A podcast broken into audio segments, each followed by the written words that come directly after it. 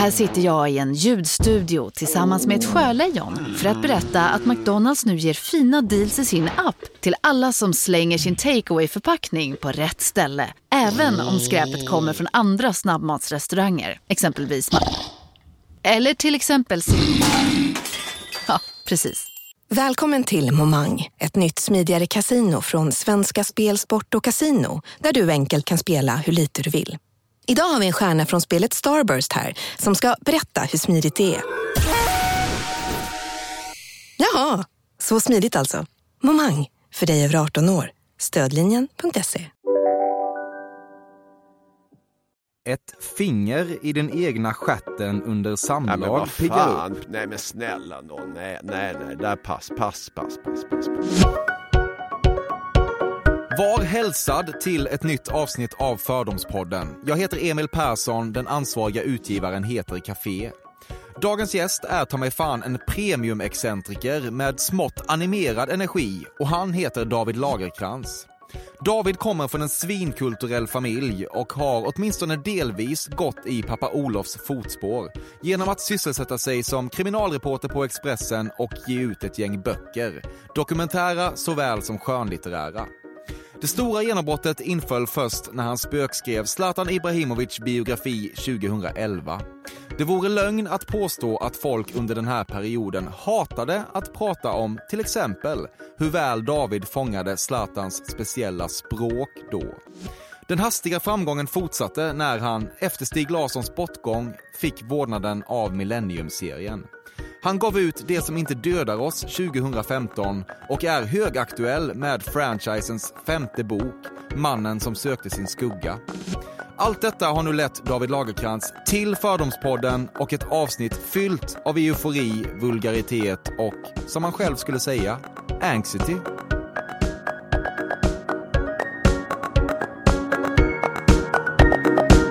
Du ankommer alltid till en begravning iklädd solglasögon alldeles oavsett väderlek. Vad är det för jävla dumheter? Jag har inte solglasögon ens den värsta sommardagen. Jag vet faktiskt inte varför, jag borde skaffa ett par solglasögon, så nej, nej. Du älskar kvinnor.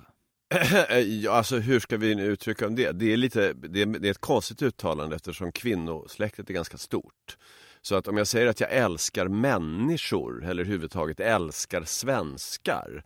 Alltså det är klart att jag älskar vissa kvinnor och jag föredrar kvinnor framför män på alla sätt. Inte bara för att jag är heterosexuell utan för att jag tycker kvinnor är förnuftigare och bättre och världen vore ett, en bättre värld om det var fler kvinnor som styrde. Men älskar kvinnor låter så lustigt.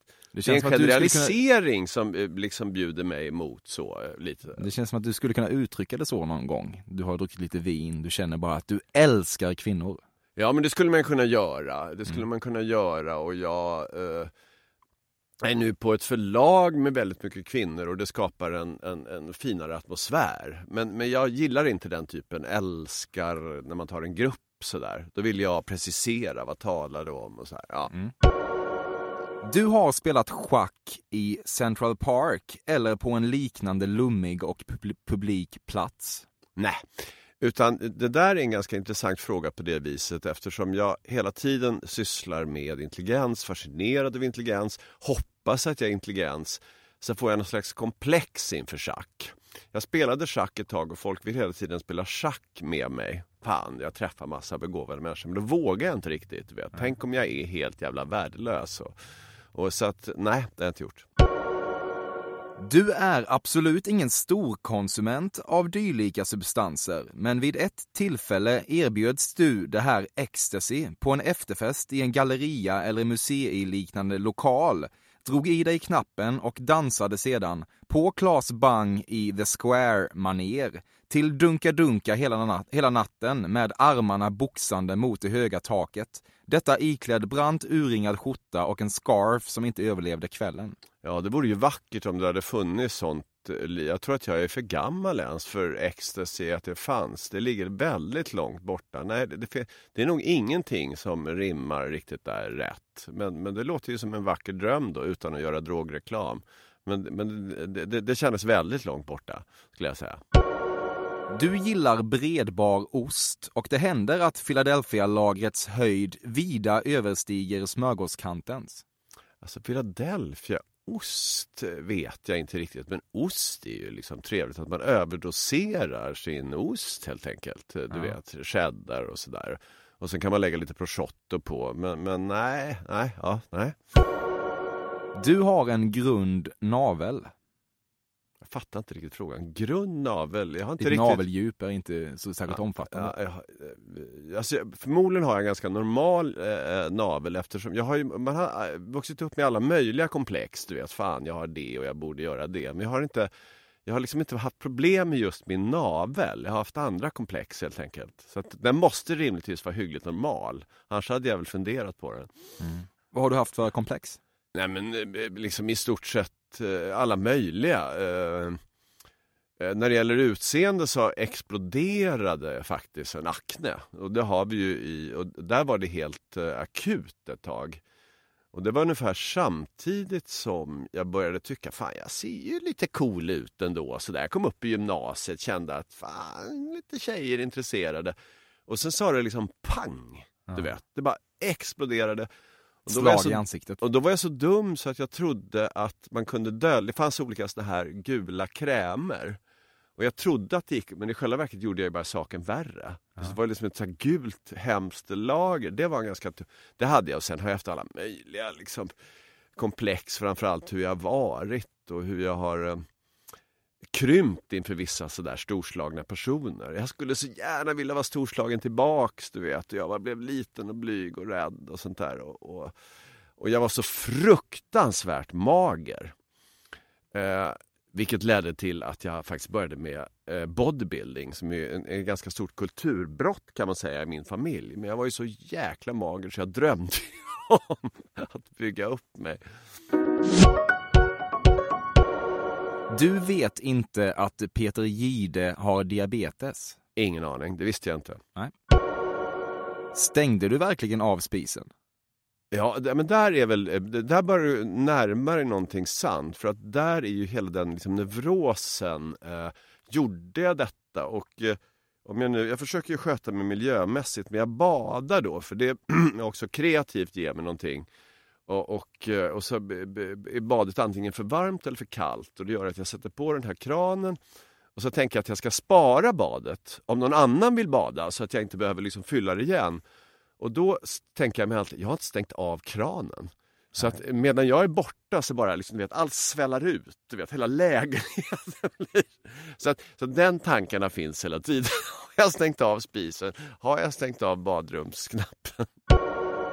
Du har aldrig kastat en frisbee? Eh, totalt jävla fel. Jag har kastat massor med frisbee men sen så eh, hade jag vi har en liten eh, sommarö i, i finska skärgården och, men på grannen bor mina kusiner och de blev virtuoser. Eh, och där ja. var det till och med en där på, på ön som blev finsk mästare i frisbeegolf och sådär. Och då fick jag eh, sådana komplex, jag, jag kunde inte hävda mig. Och då slutade jag kasta frisbee för jag, liksom, jag höll inte måttet. Men jag kastade som fan när jag var liten. Du tilltalar en polis konstapeln.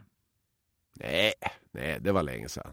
Jag, nej, jag skulle aldrig säga polis ens. Jag säger förlåt, jag försöker vara hövlig inför ordningsmakten och så. Nej, nej, konstapeln, nej, det låter gammaldags.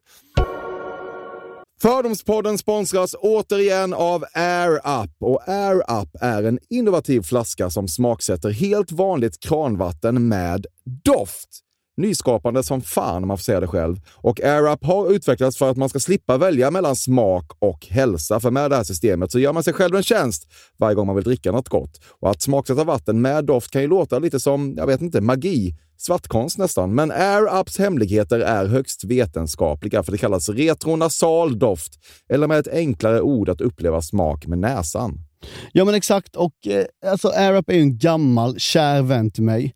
Jag eh, har ju haft min AirUp-flaska här på jobbet i ja, men ett halvår nu och det är ju faktiskt så att det har revolutionerat hur mycket jag dricker vatten. Jag, det är inte bara jag, utan alla med mig här på kontoret har en AirUp-flaska och alla med mig har ja, börjat dricka mycket mer vatten.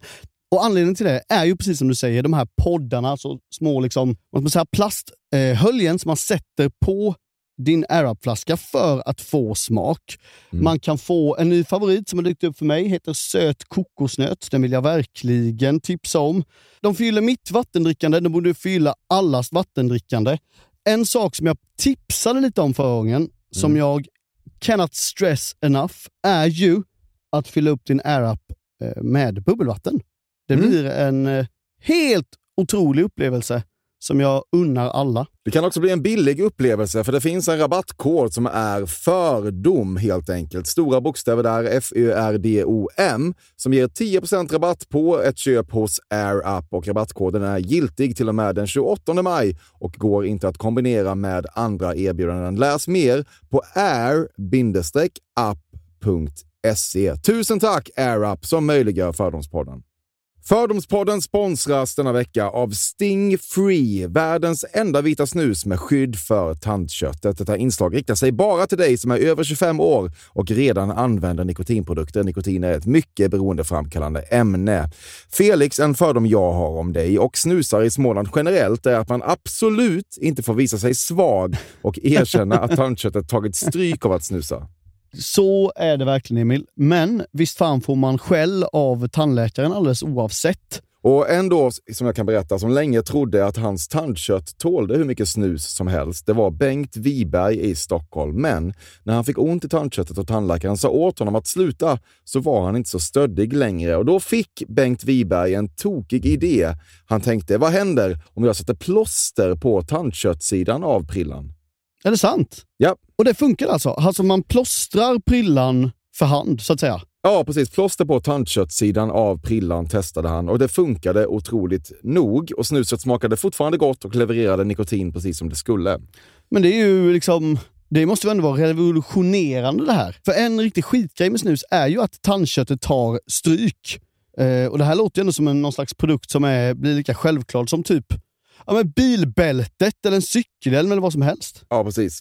Ja, men vi, vi är många som har haft problem med det här ju genom åren sannoliken. Och nu är den här idén patenterad och istället för plåster så är det blå skyddet inbyggt i prillorna. Och Sting Frees produkter finns att köpa i butik och på nätet. Så läs mer om världens enda vita snus med skydd för tandköttet på stingfree.se. Tack Sting Free! Och tack Bengt Wiberg. Verkligen. Fördomspodden sponsras av Bastard Burgers som är den norrländska burgarkedjan som ju finns över hela landet plus i Oslo, i Helsingfors och New York och de serverar svenskt nötkött och har en stor vegansk meny. Och vi ska prata lite mer om det här eh, signaturburgarkonceptet för 2024 som går ut på att det varannan månad presenteras två nygamla signaturburgare som gör efterlängtad comeback på Bastard Burgers och det heter ju Hall of Fame. Ja men det ska vi verkligen, men innan vi ska dit så skulle jag vilja lyfta en sak Emil.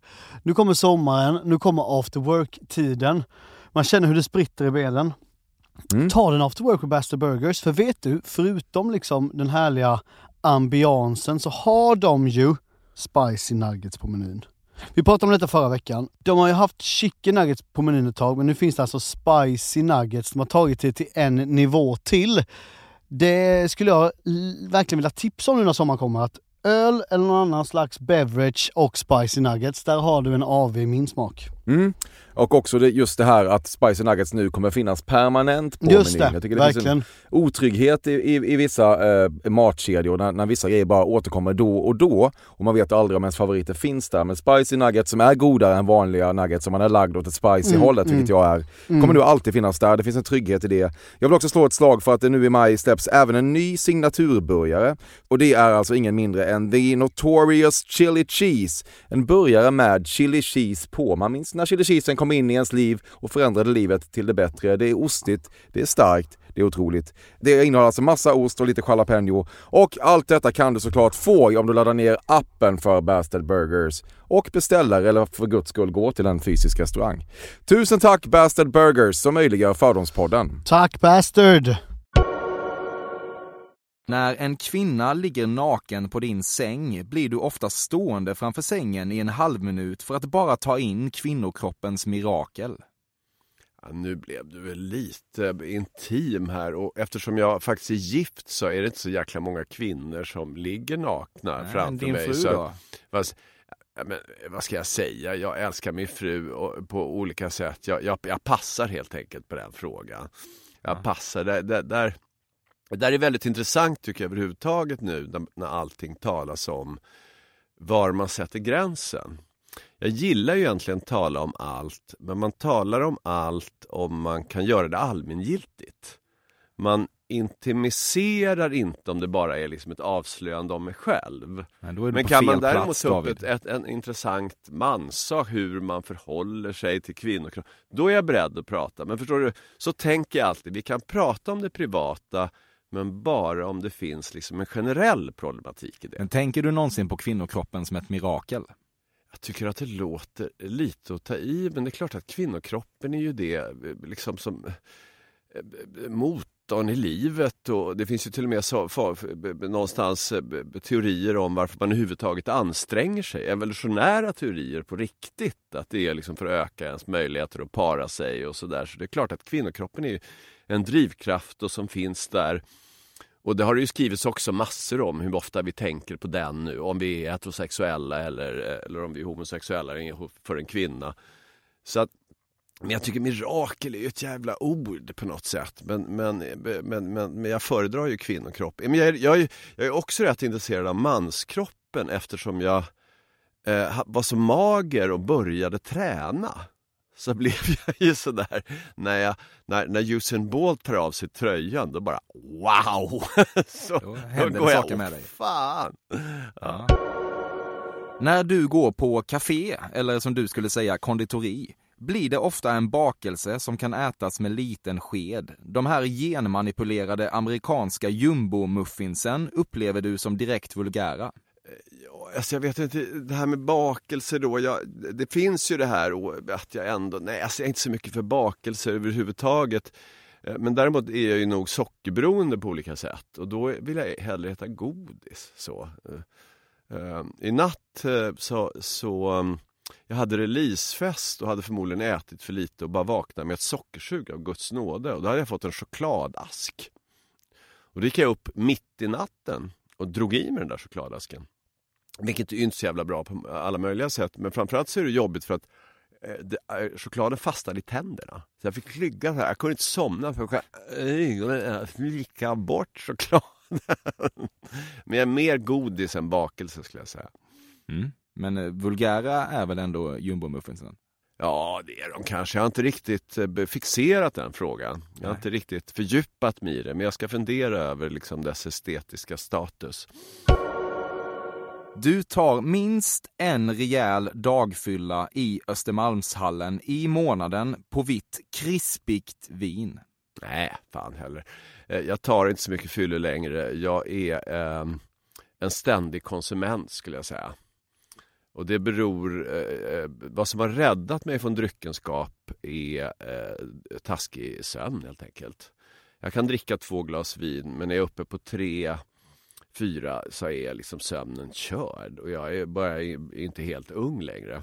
Så att jag är liksom en stadig sådär eh, konsument som dricker ett glas. Så att, eh, det är klart att jag längtar ibland efter en fylla på krispigt vin men så jäkla ofta blir det inte. Det händer att du kommer hem, tänker att nu ska du koppla av, drar på klassisk musik på hög volym i hela bostaden, sätter dig i Chesterfield-soffan och tar ett djupt andetag. Men efter bara en halv minut blir du rastlös, stänger av musiken och gör något mer neurotiskt istället. Ja, ja, men det fanns ju en sanning. Tyvärr så skulle man gärna vilja då som sådär representant för kulturen säga att jag lyssnar på klassisk musik. Men jag är ju ett barn eh, av min generation av liksom pop, melankolisk musik, eh, hesa, raspiga gubbar. Så att det gör jag inte. Men däremot så stämmer ju den här känslan av att jag tror att jag ska lugna ner mig. Men i själva verket så kommer hela flippigheten. Liksom. Hela det digitala kommer till mig. Eller jag måste upp och ner. Eller, eller jag ägnar väldigt mycket tid av mitt liv och tror att jag har tappat bort saker. Det, det brukar jag ibland säga är min huvudsakliga sysselsättning. Och söka min plånbok, mina nycklar och min telefon. Så- och, bara, vad är de? Vad fan? Sådär. Du bedriver hälsowatch på Svenska Akademins medlemmar för att se om någon kommer att kola snart och tänker att du i så fall borde vara näst på tur att väljas in. Allting kommersialiseras till slut Och från där du står hade David Lagerkrans varit en bra segway in i framtidens Svenska Akademi. Nej, utan eh, det här är intressant på många Dels är jag ingen kandidat för Svenska Akademin men jag är också uppvuxen med eh, en tanke om att Svenska Akademin är ganska mossig. Det, det är en väldigt föråldrad institution att man sitter på livstid. Eh, den är väldigt Eh, icke-segregerad, den är väldigt homogen och det tycker jag mig också se på priset. Jag skulle nog kunna lite fräckt säga att jag tycker att det är en ganska mossig förlegad institution och jag tycker det märks på prisen. Eh, alla andra juryn, det finns mycket bättre dynamik till exempel i Pulitzerpriset. Det där Gustav IIIs gamla skit, byt ut den, förnya den. Det är alldeles för homogent. Eh, vilket är intressant just nu Eh, när vi pratar om att man ska skapa en större mångfald. Man rekryterar lika, man rekryterar de som är samma som jag. Så jag skulle säga att, att eh, Svenska Akademin och dess sammansättning är, är, i sig skapar en slags grund för en, liksom en intellektuell korruption. Jag skulle säga att det är en otroligt mossig institution. Och jag kommer aldrig få frågan, men skulle jag få frågan så skulle jag vara stolt över mig själv om jag sa nej. Du hade inte sagt nej? Ja, men det hade jag säkert inte gjort för jag är smickrad och svag. Men, men, men jag tycker faktiskt att det är intressant eh, det där när en gammal, den här vördnaden för akademin tycker jag är är fånig. Det är en bjäfsig institution. Det finns massa briljanta personer där. Alltså Peter Englund är ju liksom lysande, Sara Stridsberg det finns massa briljanta. Men själva institutionen att man sitter på livstid och de väljer sina egna medlemmar, sina lika, det är inte sunt. Det behövs nytt blod och för att man ska ha en kreativ atmosfär så behöver den bytas ut, förnyas. Det behövs till och med ett mått av otrygghet. Jag gick igång lite där, eh, mm. men ja. Du förstår inte att du är ganska dålig på piano? Jodå, det förstår jag. När du ätit en riktigt formidabel middag insisterar du på att få gå in och tacka kocken personligen. Ditt största ögonblick var när du fick trycka Anthony Bourdains hand på ett stekhus i New York. Ja, nu vet jag inte vem Anthony Bourdain är, så att eh, så har jag tryckt hans hand så har jag då glömt det. Men däremot så tycker jag väldigt mycket om att vara storslagen. Alltså, och det tycker jag har kommit mer och mer med framgången. Ät gärna gott, läs gärna gott. Så bara säga wow vilken rätt! Ibland kan jag ta i lite extra så. Ja. Nu gör man inte riktigt det på restaurang, att man rusar in i köket och vet och söker upp kocken. Men, har du aldrig men, gjort det? Nej, men jag kan hälsa liksom när, jag, när mm. det verkligen är gott. Så vill jag hälsa och hylla och så. Mm. Uh, det har jag mycket lättare för än att gnälla. Där är jag för artigt uppfostrad liksom. Du har sökt in till Mensa. Nej, fan vilket larv. Fruktansvärt larv. Aldrig i livet. Aldrig livet. Alltså det ska man ju säga då att jag kompletterar. Jag vill inte ha ett, liksom en siffra på min begåvning. Jag tror intelligens dessutom bara möter en liten begåvning.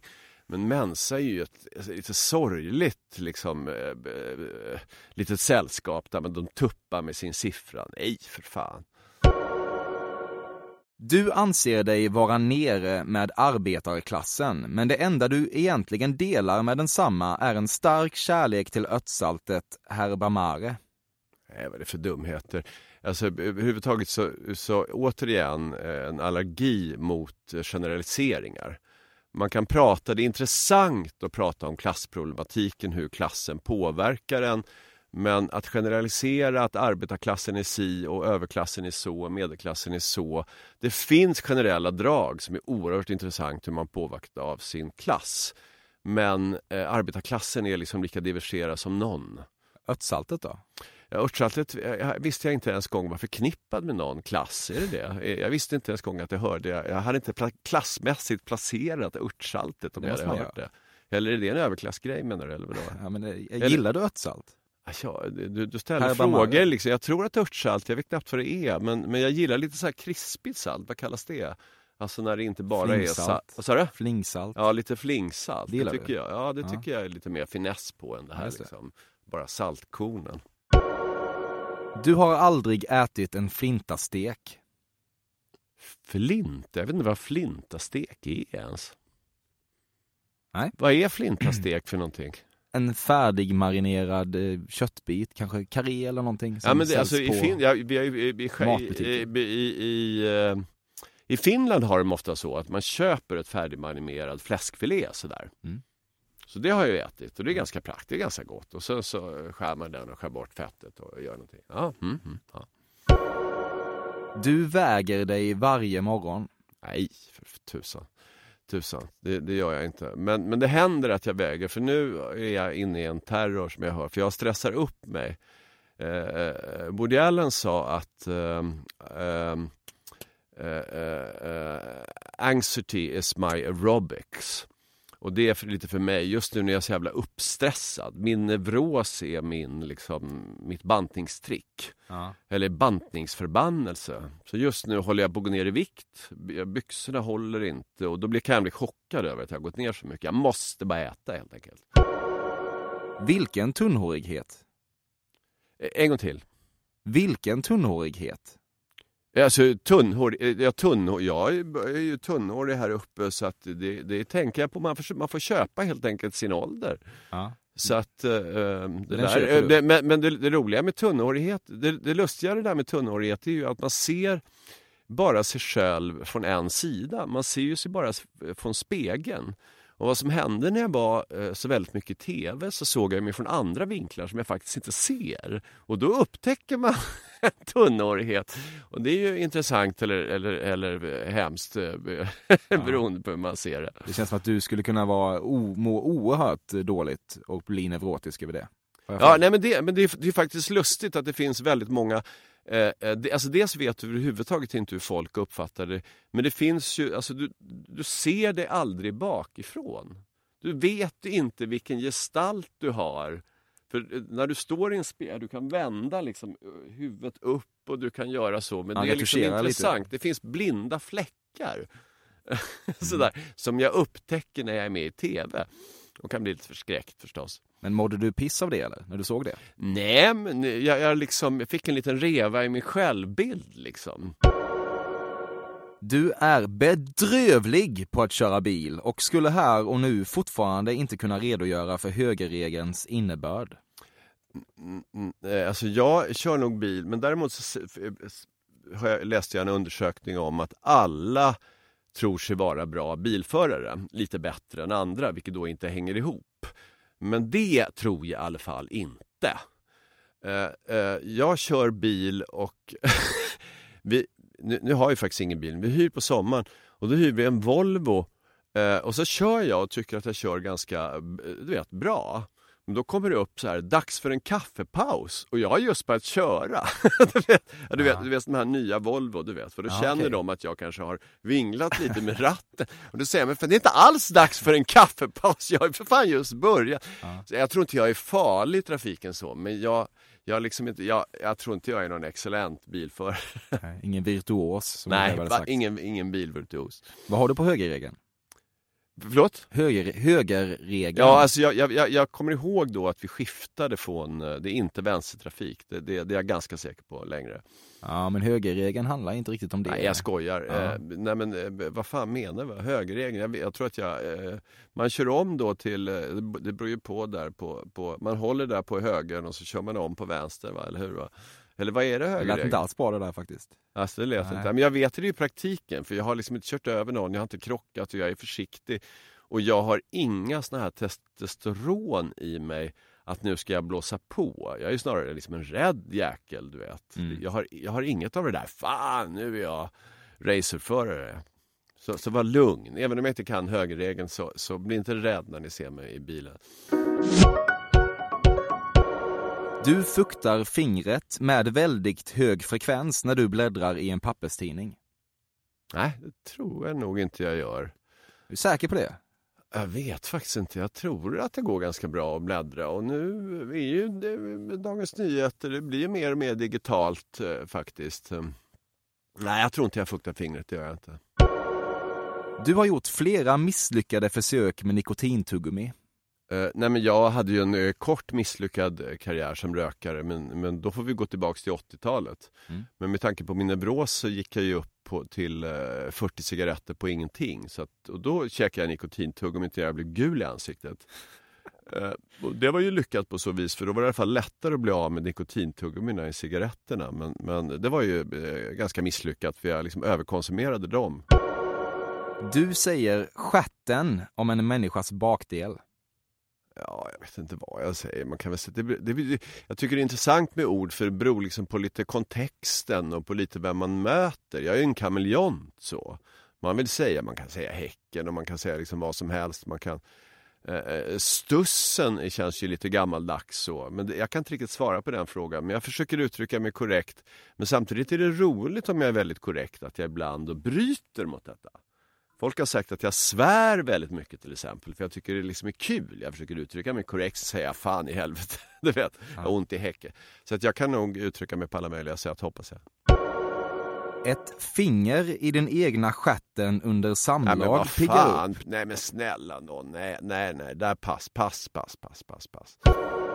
Du har någon gång somnat med huvudet rakt ner i skrivbordet, utbristit ha när du plötsligt slagit upp ögonen försenad till någonting, tagit din portfölj under armen och sprungit ut ur din bostad? Ja, men problemet är ju att jag somnar ju knappt när jag behöver somna. Så att jag har ju liksom aldrig somnat utan att vilja somna. Det är ju liksom min eh, akilleshäl i livet, att jag har så svårt att sova. Så att jag har inte somnat överhuvudtaget till en film eller till någonting överhuvudtaget. Jag lägger mig ibland och försöker sova middag och lyckas jag sova middag så blir jag ju bara överlycklig. För då blir jag ju som på nytt född. Du har aldrig satt din fot i Mall of Scandinavia. Det är ett sammanhang du skulle beskriva som gastkramande vulgärt. Nej, nej, nej, nej, nej. utan eh, problemet är ju då att jag blev fast i Levi's fem rätter. Eh, eftersom jag tillhör den generationen. Och sen plötsligt så slutar ingen gjorde, man kan inte köpa det någonstans. Men i Mall of Scandinavia så kan jag köpa Levi's fem rätter. Så där är jag. Så det har, Finns väl jag, jag, så, och, och, och, och, Gud pris dem för att de har Levi's 530 för det är de enda jeans Sen kom någon jävla generation där jeansen liksom skulle hänga långt, du vet, de skulle liksom hänga långt ner sig. Mm. Jag tyckte det såg för jävligt ut. Levi's 530 kan man dra upp och de sitter på mig och de har jag haft hela mitt liv. Så att, eh, eh ja, nej, nej, heder åt Mall of Scandinavia. De finns väl på andra platser också? Nej men ja, det var det faktiskt. De slutade sälja dem så ja. inåt helsike. De ställena där jag brukar köpa dem, så här, vi har dem inte längre. Nej. Du tycker dig ofta se Stig Larssons änka Eva Gabrielsson på gatan. Ja men det händer väl då. Det är ju ett känsligt ämne eftersom jag tycker så synd om henne och jag tyckte det var så sorgligt. Så att det, det kan väl hända. Det är ju alltid så liksom när man får det. Det, det kunde väl hända. Kanske, jag vet inte. Men där är bara min största sympati liksom. Och kanske, ja jag vet inte. Men kunde det hända att du föreställde det? Du ja men det, det kunde det väl vara. Det kunde det väl vara. Det händer att du, utan någon som helst förankring i verkligheten, refererar till dig själv som en vagabond. Nej, nej, nej. nej. Alltså jag, jag måste ju resa nu i kraft av uh, mitt jobb. Men helst vill jag bara röra mig i mitt eget kvarter som gamla Kierkegaard-författaren som sägs ha levt. Så att, uh, jag är snarare, jag brukar säga att jag är Bilbo i, i Fylke. Jag vill bara vara i mitt lilla, men ibland så tvingas jag ut. Nej, nej, ingen vagabond på något sätt. Du har efter flera års orala studier landat i en favoritfiskrom, nämligen störrom. Äh, alltså så, jag är ingen liksom gourmand eller gourmet eller vad fan det kallas. Jag är inte så jävla noga. Jag blir faktiskt skittrött på när folk ska förklara hur fantastiskt det är. Det ska vara liksom en bra måltid och ett hyggligt vin och sen ska vi ha ett bra samtal. Jag blir trött på det här. Eh, du vet, det här är den och den rommen och jag, jag, jag vet inte. Där kan jag nästan säga att det finns en vulgaritet där man bara bryr sig för mycket. Det ska vara en bra restaurang, men de här överbra restaurangerna tycker jag bara är ansträngande. Du vet, folk kommer fram och ska ha långa jävla förklaringar om, du vet, jag blir bara, men sluta, vi är mitt inne i ett samtal. Ja. Låt mig få äta. Ja. Du pillertrillar lite grann och konsumerar helst genom att mellan viktiga möten föra hela burken till munnen och ruska till så att en odefinierad mängd transporteras rakt ner i magen. Ja, det låter ju fullständigt förfärligt. Då hade jag väl inte suttit här ens va? Om jag gjorde det. Men det är klart att jag har pillertrillat då eftersom jag har så svårt med min sömn. Men att dra i mig en burk, det låter lite suicidabelt. Inte en hel burk. Men jag nej, men jag fattar hur du menar. Att man liksom inte vet. Nej, inte riktigt. Men, men jag har Men om vi återgår till min goda terapeut så sa han så här, vilket smickrade mig. Och han sa att jag är en beroende personlighet men ingen missbrukare. Det vill säga att jag har lätt för att få beroende men jag har någon slags stopp. Antingen är det min fåfänga eller min disciplin. Någonting får mig att inte dra i mig eh, burkar och skölja ner dem med Jack Daniels. Mm. jag har ett stopp. En hel del i Zlatan-boken är gripet ur luften. Folk förstår inte vad konstnärlig frihet innebär. Ja, det där kan jag nu prata om. Det där är jag så jävla förbannad på eh, så att jag kan explodera. När det här hände så var jag lite i defensiv position. Vad fan tror folk? Eh, eh, tror man att man lägger en bandspelare framför eh, eh någons eh, eh, framför någon och så bara dikterar han in en bok. Vad jag försökte säga är att det gäller att hitta essensen. När det gäller Zlatan så gick vi gång på gång tillbaka till hans barndom. Och det gäller alltid, förutom då i radiopodden så, där vi pratar, att hitta essensen och så jobbar man helt enkelt. Jag jobbade med ett litterärt berättargrepp jag kom honom närmare och det tyckte Zlatan också så godkände varenda förbannade ord. Så den där debatten är nog det dummaste jag varit med om i hela mitt liv. Det är först nu jag liksom känner hur jävla arg jag var. Folk var så korkade. Vad fan tror de? Ja. Har du hört någonting med Zlatan senaste tiden? Ja, men vi har eh, lite kontakt sådär, inte mycket. Vi är ju liksom så olika men, men eh, vi har lite kontakt sådär. Hur ser den ut? Nej men vi, det är lite ombud och vi, möjligtvis har vi lite gång. Men det är inte särskilt mycket. Men Nej. vi har ju kontakt. Det blev ju en sån resa. Den här boken blev ju för mig förändrade den hela mitt liv. Men jag tror också den betyder mycket. Den förändrade bilden av Zlatan.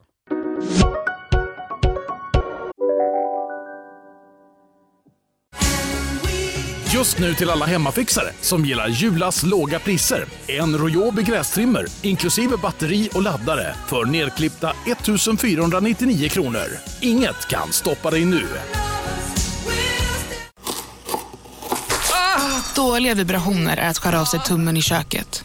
Ja! Bra vibrationer är att du har en tumme till och kan scrolla vidare. Få bra vibrationer med Vimla. Mobiloperatören med Sveriges nöjdaste kunder enligt SKI. Om en yogamatta är på väg till dig, som gör att du för första gången hittar ditt inre lugn och gör dig befordrad på jobbet men du tackar nej för du drivs inte längre av prestation. Då finns det flera smarta sätt att beställa hem din yogamatta på. Som till våra paketboxar till exempel. Hälsningar Postnord.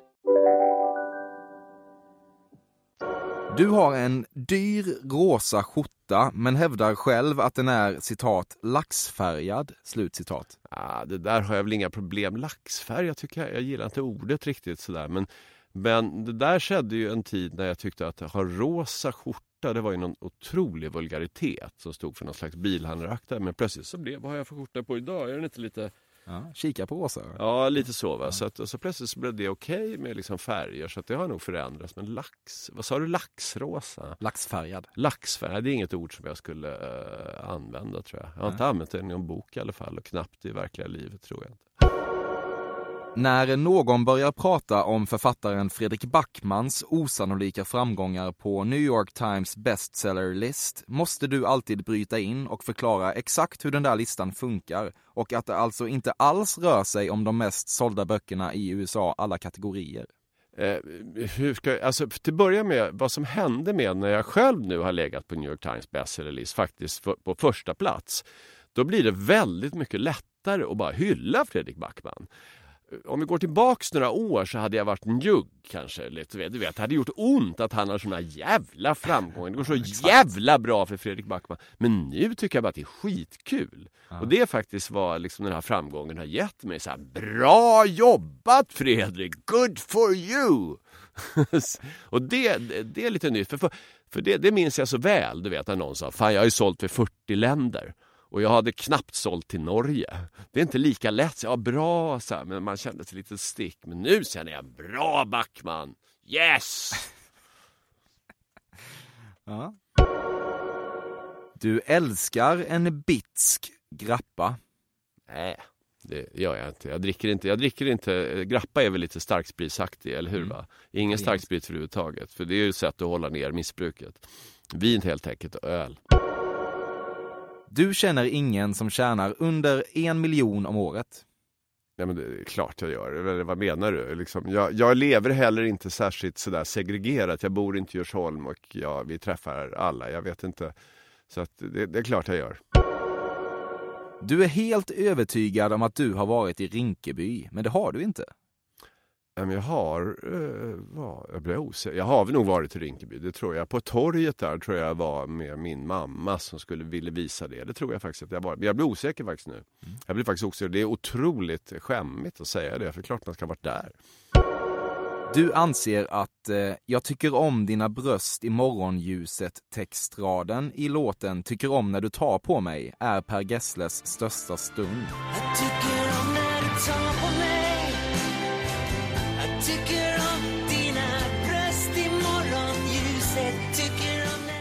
Det där, det där låter inte bra. Heder åt Per Gessle. Det där, nej, nej, nej. nej. Alltså, eh, vad var det Lars Forssell skrev? Dina bröst är som svalor som häckar. Ja, Kommer du ihåg? precis. Nej, nej, det, nej, det känns ingen bra. Jag, jag passar dessutom på den frågan. Det, det, nej. Mm. Bröst i sommarljud. Det, det är lite pekoralvarning känns det som faktiskt. Mm. Eller vad var det han sa? Ja. Morgonljuset. Morgonljuset.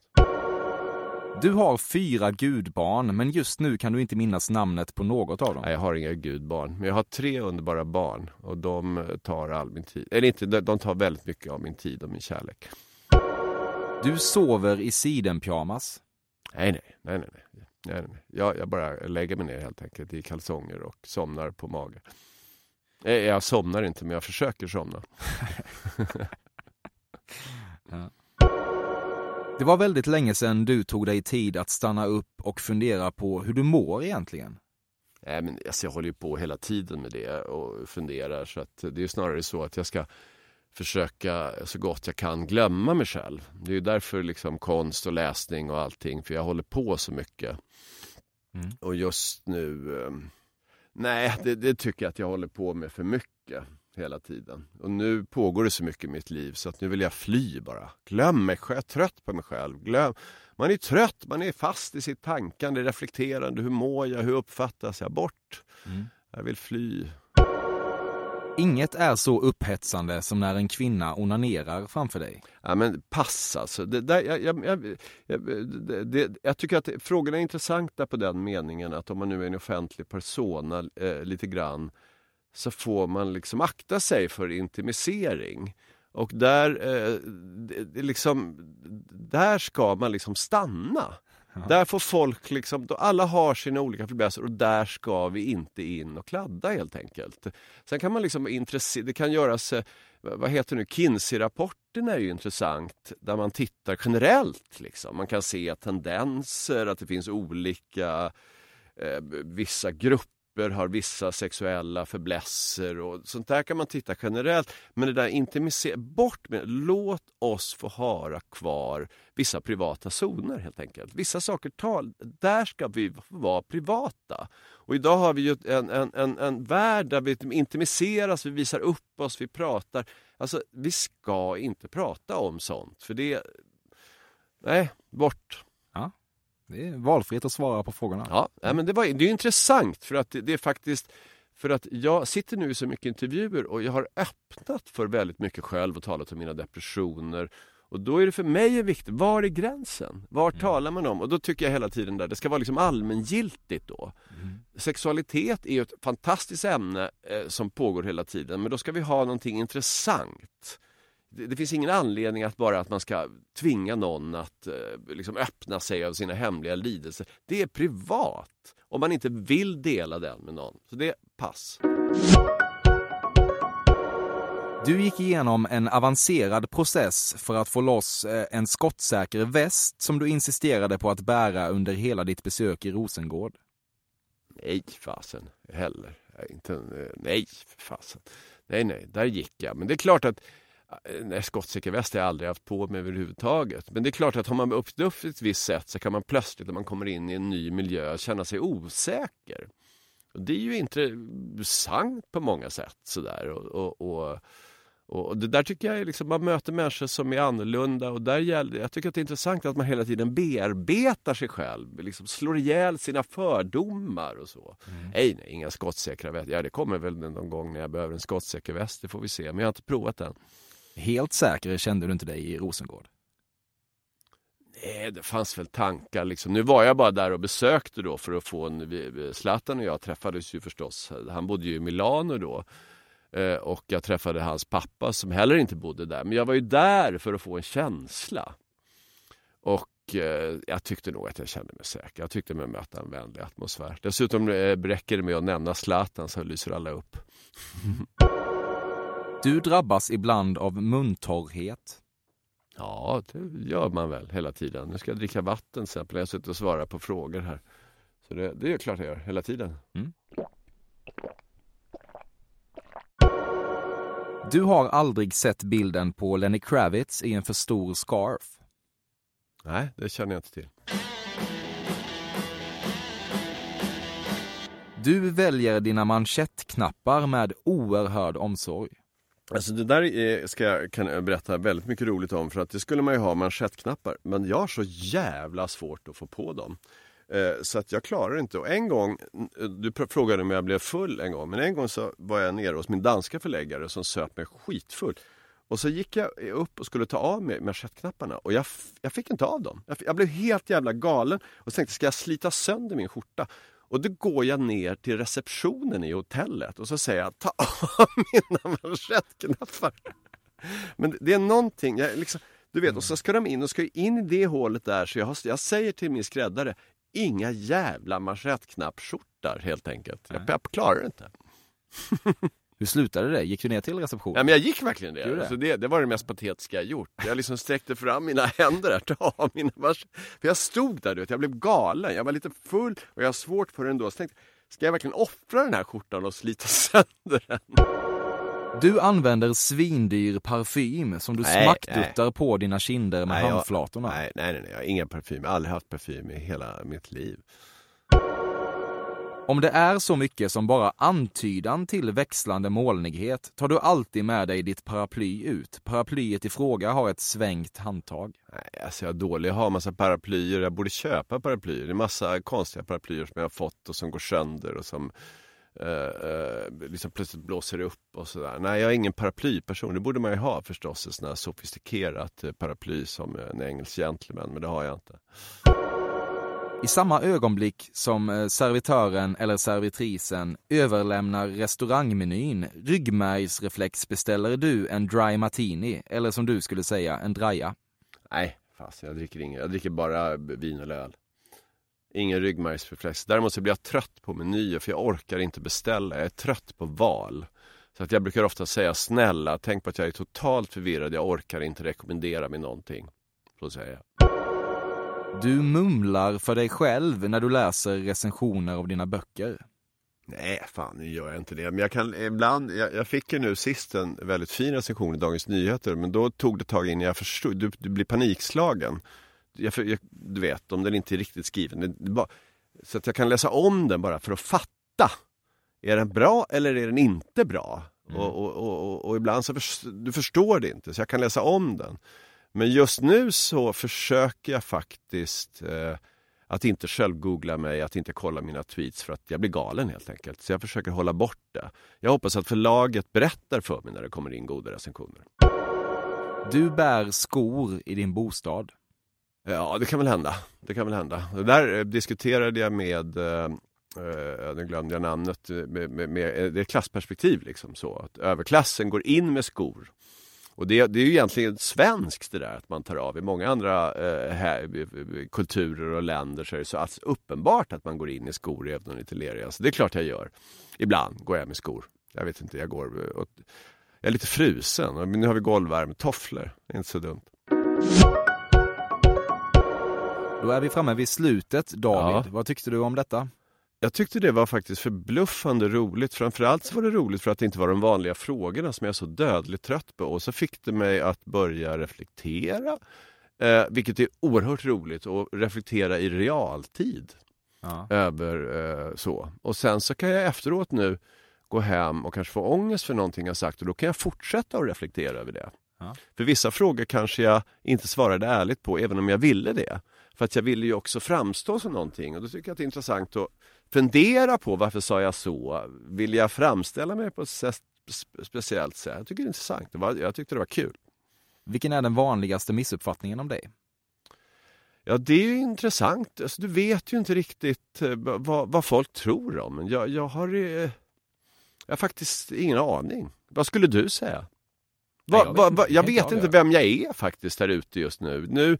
Nu exploderar jag just nu för nu är jag inne i den här lanseringen så jag syns ju överallt. Så att jag har faktiskt ingen aning om vem jag uppfattas som. Ehm, jag bara tror att det är en allmän god princip att man inte dömer folk för fort.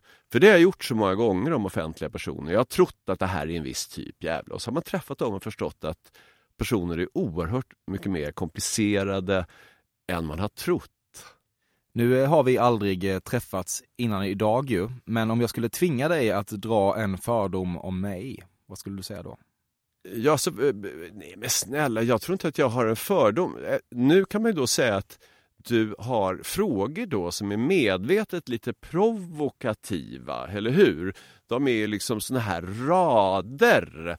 Så då kan ju fördomen vara, hur skulle det vara om vi hade, om vi satt och fördjupade samtalet så? Hur är det med din intellektualitet? Jag tror att den är bra, för jag ser att det är pigga ögon där. Men det här är ju en speciell typ av frågor, för du studsar inte på mina svar, du drar nästa.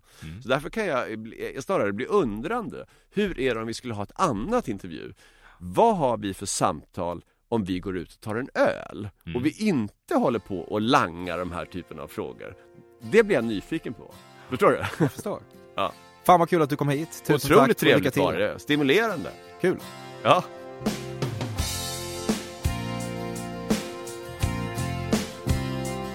Ibland händer det att jag får hit någon som jag önskar kunde vara gäst varje vecka. Och David Lagerkrans är lite en sån person faktiskt. Det känns fint att han välsignade Fördomspodden med sin unika närvaro. David kommer sannolikt inte tillbaka, men bli inte suicidabel för det. För nästa vecka hänger vi en ny färgstark karaktär på galgen och projicerar all världens vanföreställningar på hens nakna lekamen. Tack till Carl Björkegren för att han välsignar Fördomspodden med en vignett. Tack till dig som lyssnar för att du gör det här möjligt. Maila mig på emil.perssonatcafe.se och ha nu en fortsatt strålande dag och kväll. Hej då! Suicidabelt. Anxiety. Jag vill fly.